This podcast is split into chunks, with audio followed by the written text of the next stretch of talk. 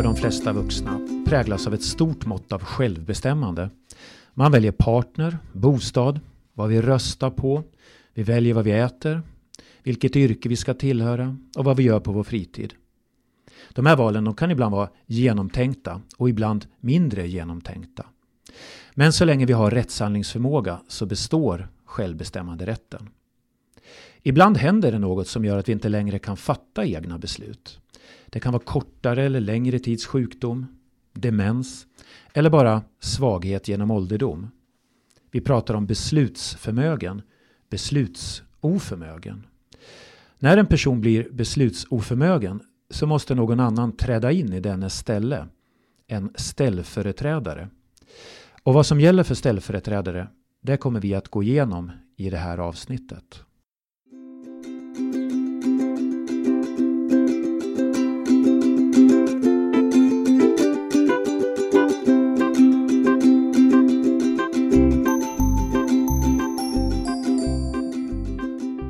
Jag som pratar heter Fredrik Pettersson och med mig i studion har jag ju som vanligt min kollega Eva Lindström. Hej Eva! Hej Fredrik! Idag är ju temat ställföreträdare. Det här är ju inte helt enkelt. Nej, eh, vi förstår att det inte är enkelt. Eh, vi får många frågor om det här eh, och så tanken med det här avsnittet är ju att se om vi kan reda ut lite skillnader och likheter mellan olika ställföreträdare och vad som gäller för olika. Men om vi börjar, vad är en ställföreträdare? Det är en person som företräder någon som det låter eller representerar en annan person i vissa frågor. Man skulle kunna säga att, att det är ett ombud också. Mm, ett ombud. Och då kommer nästa fråga. När behöver någon en ställföreträdare? Det kan ju behövas i olika situationer. Det kan vara på kort sikt att man tillfälligt behöver hjälp eh, med sina bankaffärer, exempelvis genom att man åker utomlands. Eh, men på längre sikt har ju många behov av att ha en ställföreträdare, ett ombud. Och då beror det ofta på att man själv inte har någon möjlighet att, ta hand om sina intressen själv, eller i alla fall begränsade möjligheter. Och man kan då behöva hjälp med personliga frågor, ekonomiska frågor eller rättsliga frågor. Mm. Och just nu när vi har haft den här coronaepidemin så har väl det här på kort sikt dykt upp? Just det. Det är många som har ringt till oss och frågat hur man ska lösa. Vi försöker komma fram till lite svar i det här avsnittet. Då. Och den som behöver hjälp och den som hjälper till, vad kallas de? Den som behöver hjälp brukar man kalla huvudman och den som hjälper till brukar man kalla ställföreträdare. Eh, sen kan ju ställföreträdarna i sin tur ha olika namn, det är exempelvis fullmaktshavare eller gode man. Det är två exempel på ställföreträdare. Mm. Och vilken roll har en ställföreträdare? Det här kanske är ett lite ovanligt ord som man inte är så van vid. Man, man tänker inte på det, utan, men det är det ordet man egentligen använder då, ställföreträdare. Ja, och rollen är då att företräda en annan person och se till att eh, hans eller hennes intressen blir tillgodosedda. Det kan man säga är grunduppdraget. Och det innefattar ju bland annat att en eh, ställföreträdare kan ingå avtal i huvudmannens namn som huvudmannen blir bunden av. Mm, mm. Och här har vi ju en, en liten uppdelning ändå tänkte försöka oss på. Att det finns olika slags ställföreträdare. Det bygger på lite olika regler. Kan inte du förklara lite närmare Eva? Jo, om man delar in det först eh, att vissa ställföreträdarskap bygger på lagregler. Eh, I andra fall så kan man kalla det för privaträttsligt, det vill säga att det är en överenskommelse, en privat ja. överenskommelse. Hur menar du då? då? Om vi tar lagregler eh, så är det att, att man utses kanske av en myndighet, eller man utses av en myndighet om man är god man eller förvaltare. Man har, får ett förordnande. Mm. Eh, tar vi det andra exemplet, det här privaträttsliga, det är en privat överenskommelse mellan två personer. Det är ingen myndighet inblandad och ingen myndighet som har någon tillsyn heller. Och exempel på det är ju en, vad vi kallar här då, vanlig fullmakt eller en framtidsfullmakt. Just det, så att skulle jag vilja köpa en bil åt dig, då, då kan vi göra det rent privaträttsligt med en fullmakt. Just Men om precis. du skulle bli sjuk och jag skulle behöva ha god man åt dig, då måste en myndighet blandas in och utse mig. Ja, sen har vi ju en liten hybrid får man väl säga, det här anhörigbehörighet. Eh, det bygger ju på på lag i och för sig, men det är ju ingen som utser den här anhöriga personen, utan det följer av en turordning som står i de här lagreglerna. Mm. Så en blandning mellan privaträttsligt och, och, lag, som i vår uppdelning i varje fall. Sen hur andra gör det, det eh, struntar vi just nu. Ja. Vem kan bli ställföreträdare då? Om vi börjar med det här med fullmakter. Ja, om det är en vanlig fullmakt så är ju det en överenskommelse mellan, mellan två personer oftast. Och då är det ju den som skriver fullmakten, den här huvudmannen, utser ju den som den personen själv väljer eller litar på, en som man tycker är pålitlig person. Mm, mm. Och sen hade vi då genom myndighetsbeslut om god man och förvaltare. Hur, vad ska man vara då? Då ska man eh, faktiskt uppfylla vissa kriterier och det har man skrivit i de här lagreglerna så att man ska vara rättrådig, erfaren och i övrigt lämplig. Så det prövas ju innan ja. man blir utsedd. Ganska höga krav där. Ja. Mm. Och sen hade vi den här sista som var liten hybrid, den här anhörigbehörighet. Ja, och då är det ju inte vem som helst utan det är ju enligt en turordning i, i den här lagstiftningen då om anhörigbehörighet. Så att eh, den som är närmast anhörig ha, är den som har behörigheten att vara ställföreträdare då. Mm. Och vilken lag var det? Eh, de här reglerna står i föräldrabalken. Mm. Och de är ändå hyfsat nya, två, tre år? Tre år? Ja. Mm. Nu är det ju inte självklart att man kan använda sig av den här eh, anhörigbehörigheten. Och det har ju vi kanske ibland sett lite exempel på. För den här turordningen, kan du inte ta något exempel på det? Ja, det kan ju vara så att man, eh, man, man ser att det finns ett behov av att hjälpa till. Det är en anhörig som eh, ligger på sjukhus till exempel, det är väl en vanlig ordning.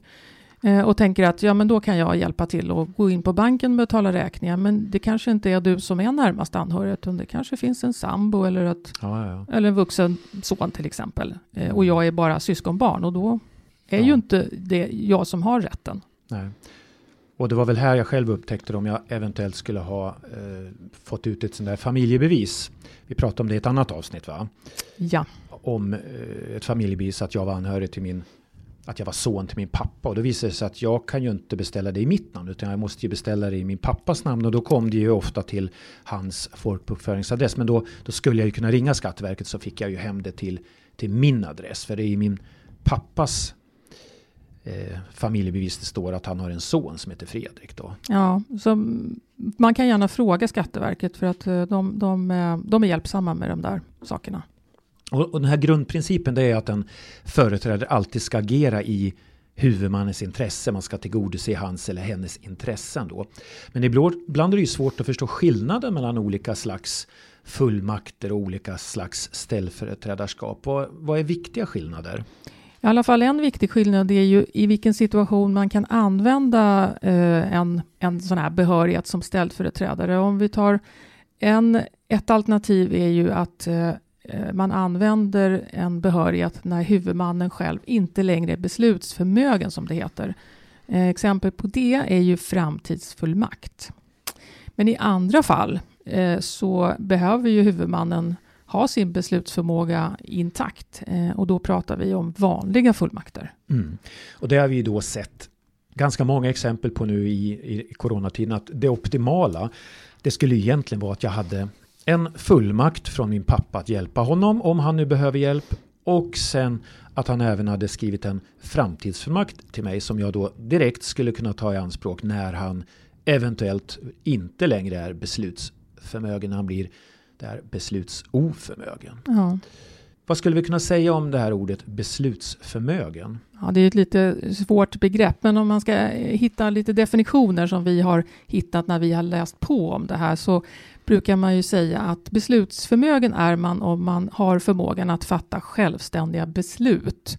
Ja, vad ingår i det då? Ja, att man kan förstå relevant information, eh, man kan överväga olika alternativ och man kan sedan fatta ett beslut som baseras på de här olika övervägandena och alternativen. Och det här ska man då kunna göra självständigt. Tar vi då motsatsen att man inte är beslutsförmögen, ja då klarar man inte att fatta de här självständiga besluten. Och ska vi ta ett konkret praktiskt exempel. Om man inte längre klarar av att betala sina räkningar själv, ja då är man nog beslutsoförmögen i den här bemärkelsen. Om vi då tittar på i korta drag, vad gäller för olika typer av ställföreträdare? Om vi börjar med vanlig fullmakt. Ja, är du ställföreträdare genom en vanlig fullmakt, eh, det innebär ju att huvudmannen som skriver fullmakten ger dig behörigheten Och det står i fullmakten vad du, vad du får göra och vad du kan göra. Eh, och det betyder ju också att du behöver, du som skriver fullmakten, den som skriver fullmakten ska vara beslutsförmögen och förstå sig på vad är en fullmakt och kan kontrollera den och så vidare. Eh, och som vi sa förut, det är en helt privat överenskommelse. Man utser någon som man litar på själv. Mm. Och sen hade vi då en utveckling av fullmakten, det här nya eh, institutet framtidsfullmakt. Ja, och det speciella med den är ju att den träder i kraft först när huvudmannen inte längre är beslutsförmögen på grund av sjukdom oftast på något sätt.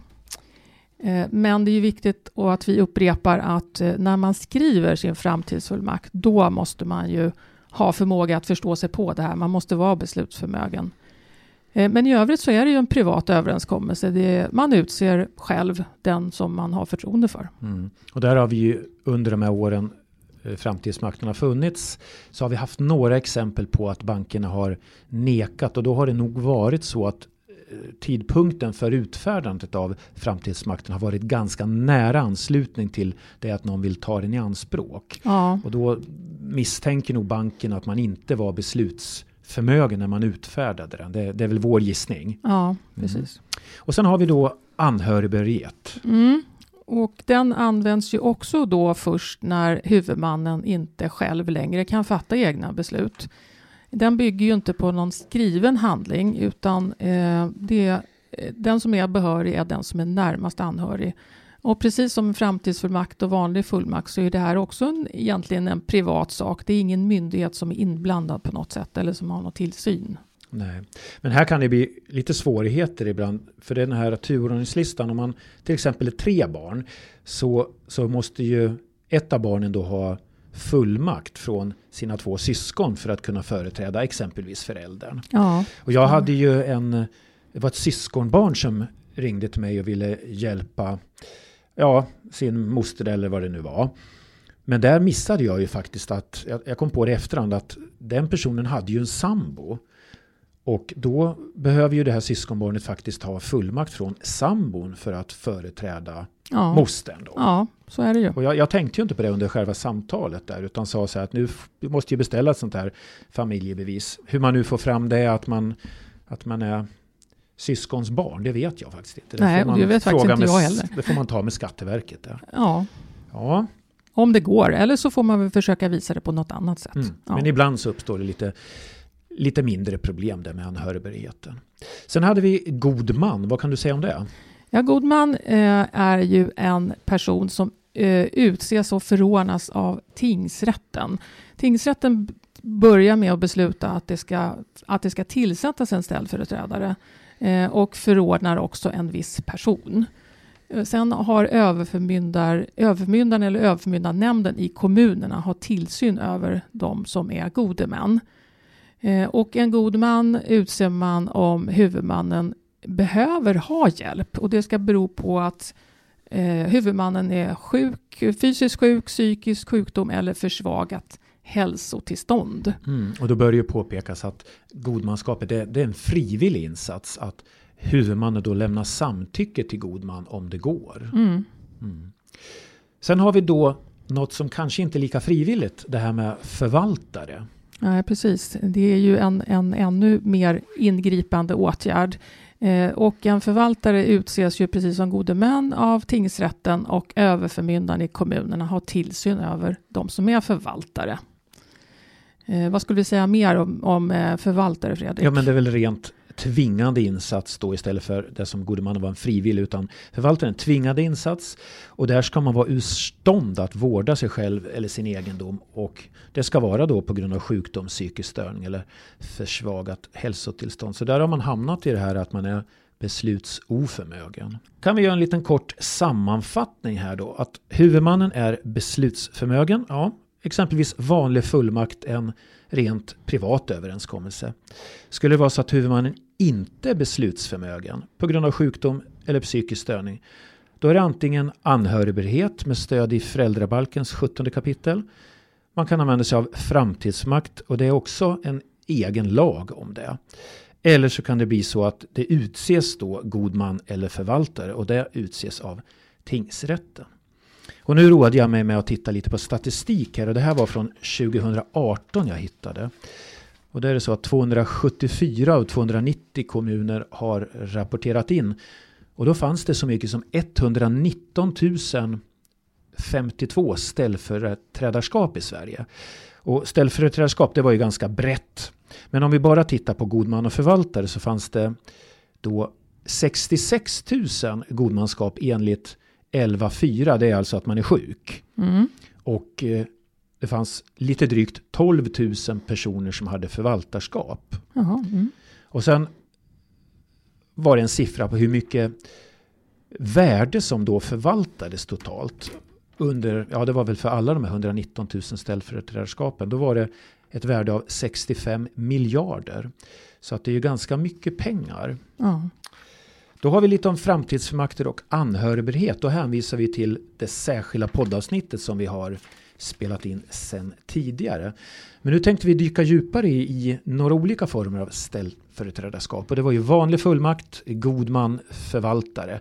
Och vår utgångspunkt då är ju kontakten med banken och andra finansiella företag. Alltså det som är under eh, Konsumenternas bank och finansbyrås uppdrag. Då börjar vi med vanlig fullmakt och vad innebär det egentligen Eva? Ja, att eh, den som vill ha hjälp själv utser någon att hjälpa till med, till exempel bankaffärer. Eh, en vanlig fullmakt finns det inga formella krav på. Den kan till och med vara muntlig faktiskt. Men visst är det väl bra eh, kanske att skriva en skriftlig fullmakt och att man har en handling där det står tydligt och klart vad den här eh, ställföreträdaren har rätt att göra. Eh, det är också så att bankerna har egna formulär för bankfullmakter som man faktiskt kan använda och de har ju någon tänkt till då så att det, det, kan ju ändå vara ett tips att man använder sig av dem. Mm. Och det här är ju en vanlig fråga vi har fått genom åren. Det är att banken inte godtar en egen skriven fullmakt utan de vill ha den på, på bankens formulär. Ja, eh, Eh, och vi vet också att eh, även om banken eh, godtar en egenhändigt skriven fullmakt så kan de oftast kräva bevittning till exempel. Det finns ju egentligen inget stöd i lagen på att, de, att det ska vara bevittnat, men vi vet att det är så. Vi vet också att vissa banker bara faktiskt accepterar bankens egna fullmaktsformulär. Mm. Men om vi nu vill göra så att jag vill använda mig av en fullmakt av min far då, och på banken, hur, hur ska vi gå tillväga? Eh, om, om fullmakten ska gälla under en längre tid, eh, då kan man, eh, ja, man kontaktar ju banken, kanske gör ett besök på banken, man visar upp originalfullmakten och ska den då användas framöver, då kan den registreras eller skannas in i banken, så då behöver man inte ha med den sen eh, senare när man ska utföra olika eh, bankaffärer.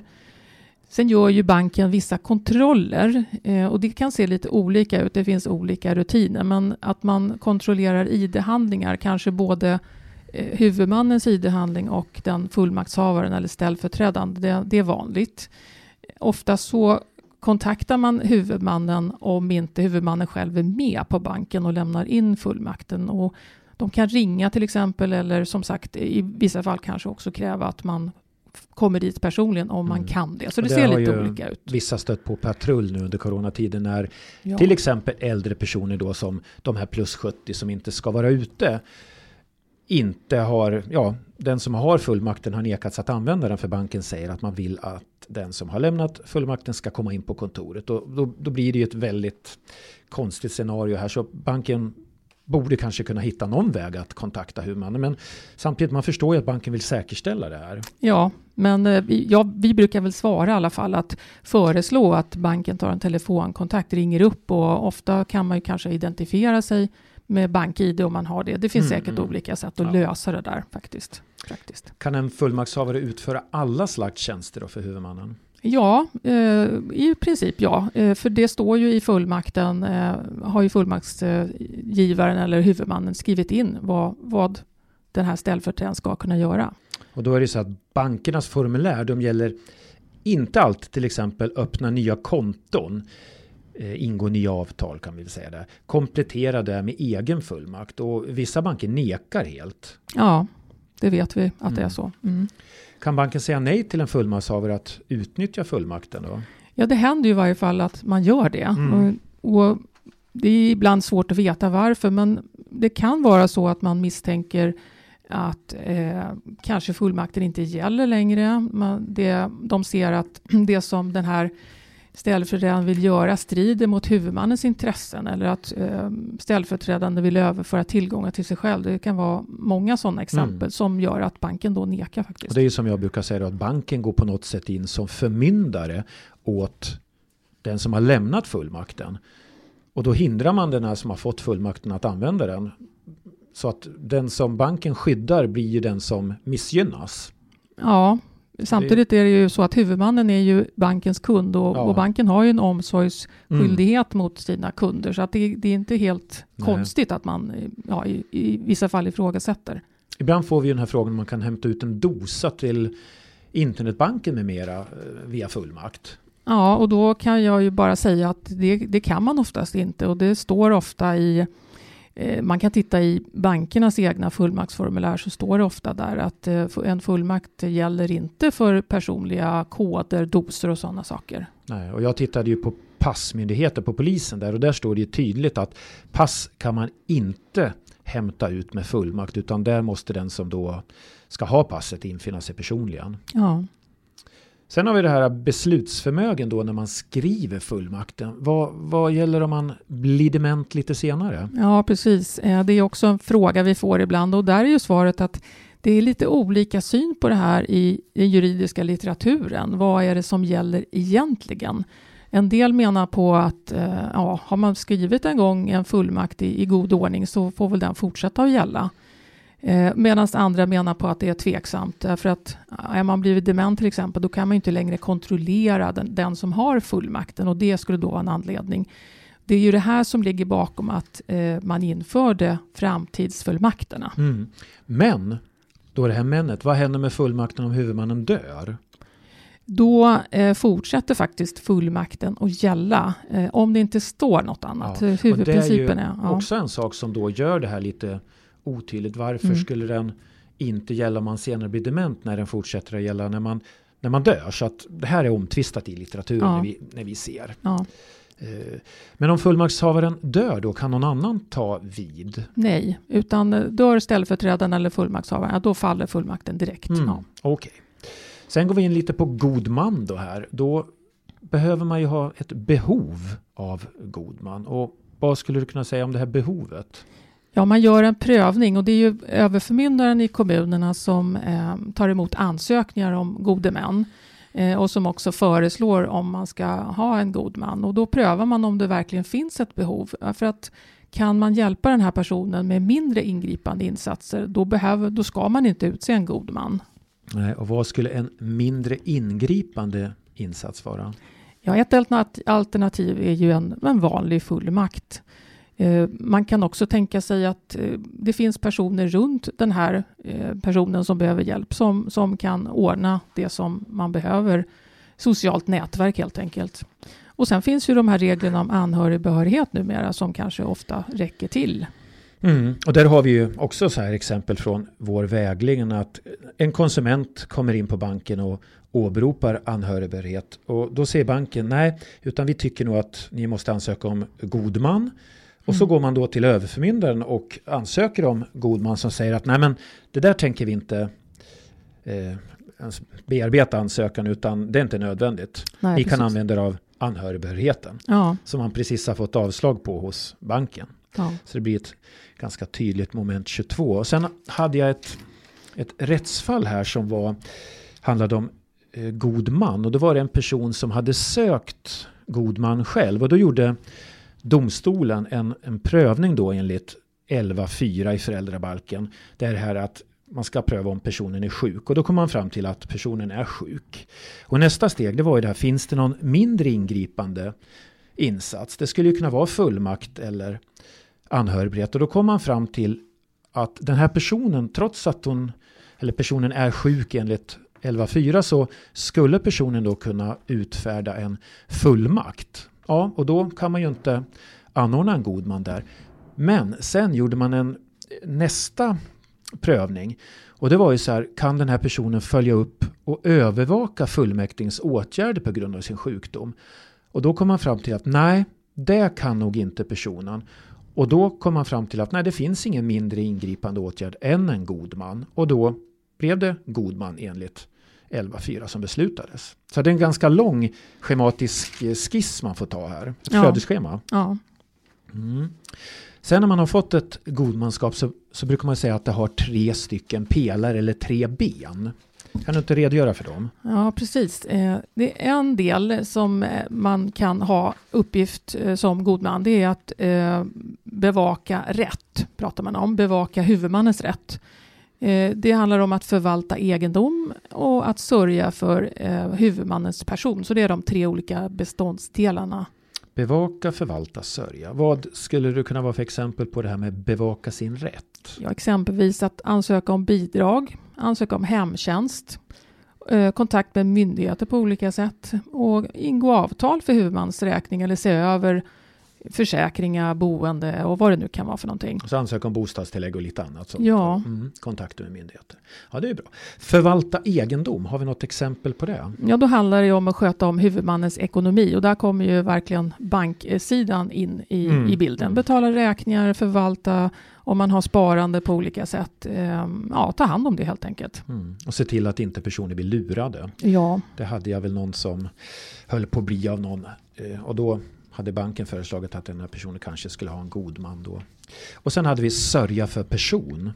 Ja, då är mera personliga saker. Det är egentligen att man ska se till att huvudmannen har det bra. Eh, Har en trygg tillvaro, se, se om det behövs hjälp kanske med inköp, med laga mat och sådana saker. Så att helt enkelt se till att se till den personliga omvårdnaden pratar man om här. Mm. Och det här förordnandet då som god man som tingsrätten eh, skriver. Det kan ju vara för en eller för alla tre. Ja, Och det beror på vilket hjälpbehov just huvudmannen har då. mm. Sen sa vi ju det tidigare att att ha god man det är någonting som är frivilligt. just det.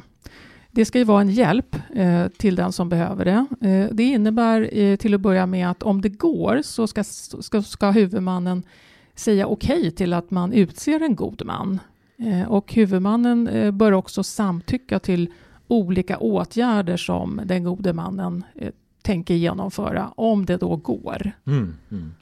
Och då är just det samtycka, det, det är ju att gode mannen hjälper men tar inte över. Nej. Och vad har vi för några typexempel på det? Ja, det är ju så att huvudmannen kan ju själv ingå avtal utan att få något godkännande av, av sin gode man. Han eller hon behöver alltså inte, inte alls fråga sin gode man. Exempelvis eh, kan man ta ut pengar från banken, man kan Mm, ha ett mm. eget bankkort, man kan köpa saker i butiker och så vidare. Det finns egentligen inget hinder för det. Men just huvudmannens bankaffärer och konton, då, hur fungerar det mer specifikt? Då eh, ser man till att det finns ett konto som den gode mannen har tillgång till och där sätts eh, inkomsterna som huvudmannen har in på kontot. Eh, och den gode mannen ser då till att räkningar och så vidare betalas från det kontot. Vems namn står det kontot då? Eh, det kontot står i huvudmannens Ja, namn. fortfarande huvudmannens. Ja. Mm. Eh, och of- det är vanligt att det finns ett maximalt belopp för hur mycket ett sånt där konto bör innehålla. Mm. Har vi sett lite olika siffror, 20 000 i någon kommun, 30 000 i någon kommun. Så, här, så att Ja. det är lite olika.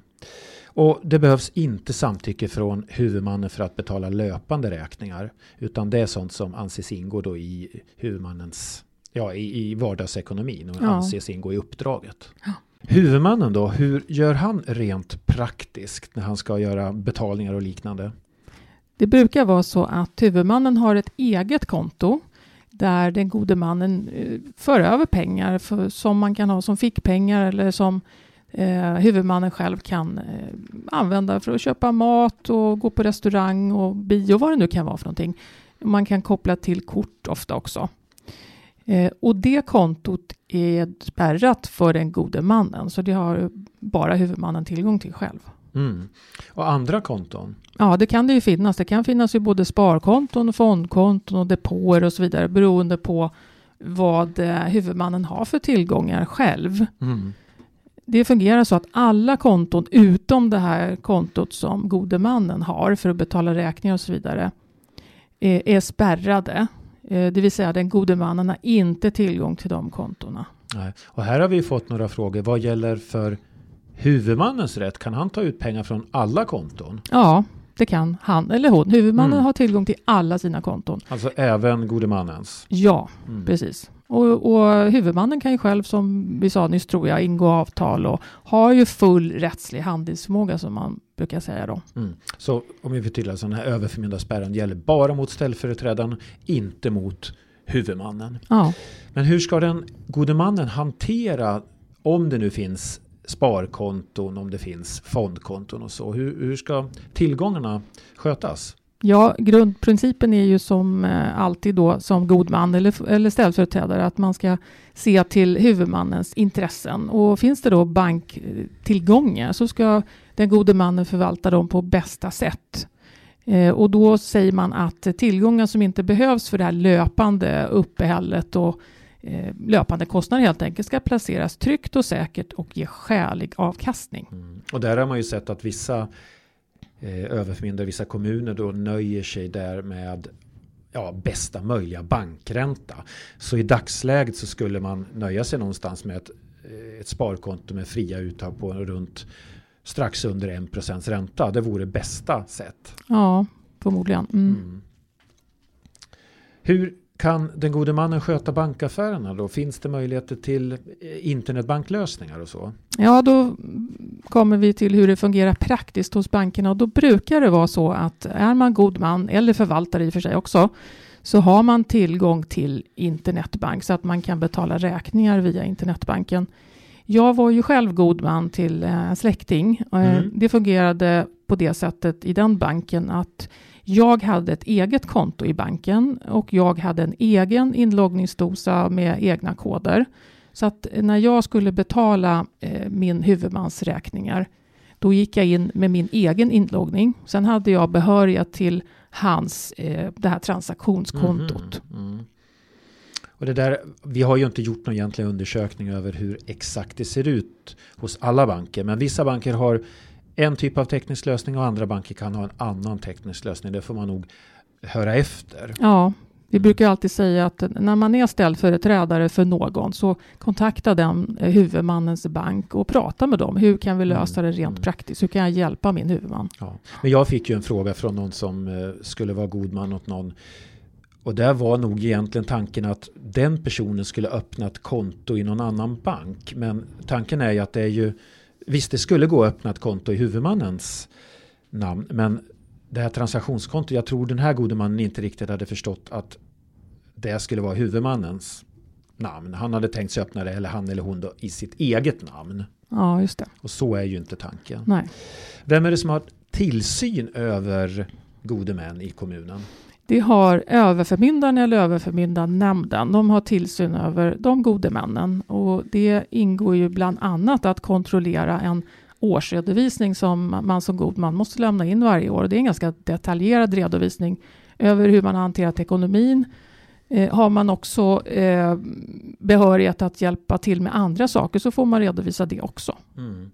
Och här har det varit till och från lite sådana här tv-program som har tyckt att vissa gode män då inte har skött sina uppdrag och, och så. Mycket av den anledningen så, så började jag vara med och utbilda gode män inom ett uppdrag i, i Gillade din ekonomi via Finansinspektionen. Men jag, jag gjorde en sökning på det här bara och såg då att av alla granskade årsredovisningar 2018 så var det 1,7 procent som fick anmärkning. Och det kan ju vara vad som helst. Det stod inte vilken grad av anmärkning det var på. Men ungefär två av hundra då. Ja, och i mitt fall så kan jag ju säga att jag, tror att eh, den överförmyndande överförmyndaren i den kommunen granskade det ganska noggrant. Eh, Det som jag fick eh, tillsägelse om en gång var att det fanns för mycket pengar på det här Ah, kontot som okej. jag hade tillgång till.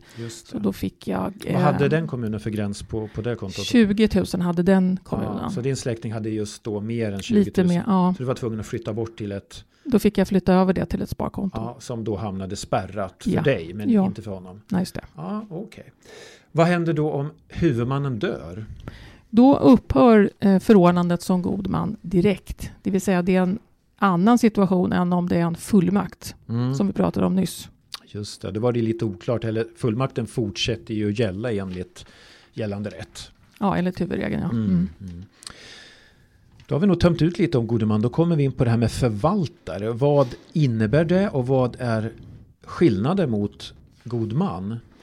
Ja, det är ju eh, tingsrätten som avgör, men det är ju en tvingande insats. Eh, och har man förvaltare, då har man inte någon egen rättslig handlingsförmåga längre på de områden som, som det här förvaltarskapet omfattar. Det är inte säkert att det gäller allting. Och jämför man god man eh, och förvaltare så god man är en hjälp för huvudmannen medan mm, mm. har man förvaltare så är det tänkt som ett skydd. Just det. Behövs det samtycke från huvudmannen när den här förvaltaren ska vidta några åtgärder? Då? Nej, det gör det inte. Och man samtycker inte heller till att man får en förvaltare utsedd. Nej. Och i det fallet så har ju egentligen då huvudmannen alltså mist sin rättshandlingsförmåga. Ja. ja. Vem är det som avgör om någon ska ha förvaltare? Ja, det är tingsrätten som avgör det. Mm. Eh, men det ska ju vara lite speciella omständigheter. Man ska vara ur stånd att vårda sig själv eller sin egendom på grund av sjukdom och liknande omständigheter. Till exempel att det finns risk för att man skadar sig själv ekonomiskt eller rättsligt. Och det ska finnas en påtaglig risk att man exempelvis blir utnyttjad av någon annan person. Mm, mm. Eh, och du och jag har ju tittat på en, en eh, bra vägledning som en kommun har skrivit till sina egna eh, ställföreträdare. Mm. Och då var ett exempel på när det kan behövas en förvaltare att en person är förståndshandikappad och förstår inte det här med pengar och blir lurad helt enkelt av någon. Då kan det behövas förvaltare. Och ett annat exempel var att eh, man eh, tvångsmässigt tecknar olika abonnemang, exempelvis telefonabonnemang på grund av en psykisk störning. Då kan det också vara behov av en förvaltare. Precis, det påverkar det ekonomin så mycket så att man anser att man inte ska sluta avtal själv. Då, nej. Hur fungerar det mer praktiskt att ha förvaltare? Annars är det samma principer som eh, den som är god man. Eh, men huvudmannen har ju i de fallen inte tillgång då till alla sina konton som, eh, som man har om man bara har god man. Mm, mm. Utan man har bara tillgång till ett konto som förvaltaren bestämmer över så att säga. Det vill säga förvaltaren ser till att personen har fickpengar, till exempel kontanter eller beroende på situationen eh, och hur den här personen fungerar så kan det se ut på lite olika sätt. Men ingen egen tillgång till sina övriga konton eller tillgångar överhuvudtaget. Nej. Och förvaltaren tar egentligen över allting som förordnandet omfattar. Mm. Och då tänkte jag bara vi avslutningsvis skulle ta några korta exempel. Men skulle inte du kunna ge mig ett exempel på när man skulle behöva eller när man skulle kunna använda sig av anhörigbehörighet? Jag säger att, att eh, det är en person vars man eh, får en stroke och blir inlagd på sjukhus och eh, naturligtvis då inte alls kan göra någonting själv. Det skulle ju kunna vara en en tillfällig, en tillfällig sjukdom och då passar ju anhörig, anhörigbehörighet bra in. Mm. Det är ganska enkelt. Man går in med fakturer som är utställda i den här personens namn och sen säger man till banken att nu vill man betala dem. Men där har vi haft lite frågor som vi egentligen inte vet nu när vi spelar in det här avsnittet. Hur, hur är det med e-fakturer egentligen? För att en mm. e-faktura, jag kanske vet att det finns en e-faktura i min mans internetbank. Men den ligger ju där inne. Sen går jag in på bankkontoret och ber dem betala den där e-fakturan. Då kanske de inte ens vill upplysa mig att han är kund i banken eller? Nej, men det är klart att uh, man borde ju kunna få information i alla fall, för det, sy- det, måste ju ändå synas på den här personens konto att det har kommit in e-fakturor. Mm. Så i varje mm. fall borde man ju som närmast anhörig då kunna få uppgift om vilka betalningsmottagare är det som har skickat e-fakturorna så att man sen i sin tur kanske kan kontakta dem. Ja, förenklade vore ju att man över disk sa till att jag vill att min makes e-fakturor ska bli betalda och betala dem från transaktionskontot. Det är ju inga konstigheter. De ligger ju inne i hans internetbank och, och så. Ja. Så det är ju aldrig någon frågan om något bedrägeri eller liknande. Det är inte så vanliga frågor det här, men Nej, ibland men... verkar det krångla lite med det här att man är behörig som närmast anhörig. Att, ja, det blir lite svårt. Skulle du kunna ge något exempel på när en framtidsfullmakt skulle vara lämplig? Ja, det är ju något som man planerar i god tid och, och då tänker man på att i framtiden kanske jag blir sjuk eh, på något sätt, dement eller annat, så att jag inte klarar av mina bankaffärer själv. och ekonomin i största allmänhet, eh, då är det ju bra att skriva en framtidsfullmakt, för man styr ju själv över vad den ska innehålla och vem framför allt som man vill ska hjälpa en med det här. Mm. Och det kan vara skönt att, att känna sig trygg över att man vet att den eller den personen kommer att hjälpa mig istället för att det blir någon utomstående.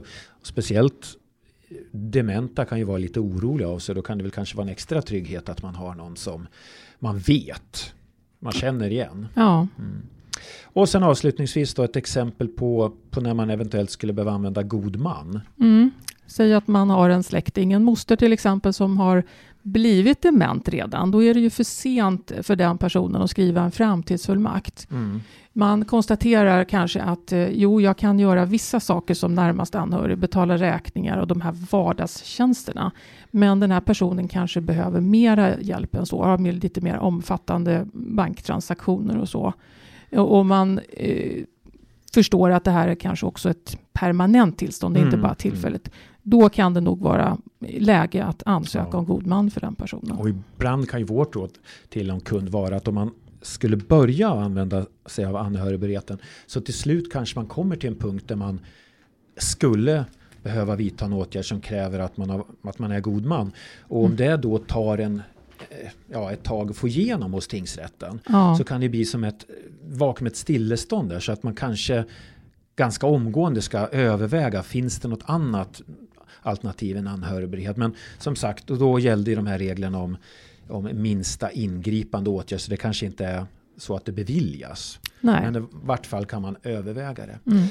Ja, avslutningsvis då, om vi återupprepar, vad är en ställföreträdare? Det är en person som hjälper någon annan som företräder, representerar den personen. Mm. Mm. Och när behövs en sån? Ja, när man inte själv klarar av det är väl egentligen huvudsvaret. Men det kan ju också vara en tillfällig, en tillfällig lösning på grund av att man ut och reser exempelvis och ja. behöver hjälp. Men annars att man inte själv klarar av det. Mm. Nu finns det några ytterligare ställföreträdare än de vi har nämnt. Men vi har ju nämnt då att man är ställföreträdare via fullmakt, framtidsfullmakt, som god man, som förvaltare eller via anhörigbehörighet. Och jag tycker vi, vi nöjer oss där för idag Eva. Ja, det tycker jag också. Då säger jag tack till dig Eva. Tack själv Fredrik. Och på återhörande. Hej då! Hej då!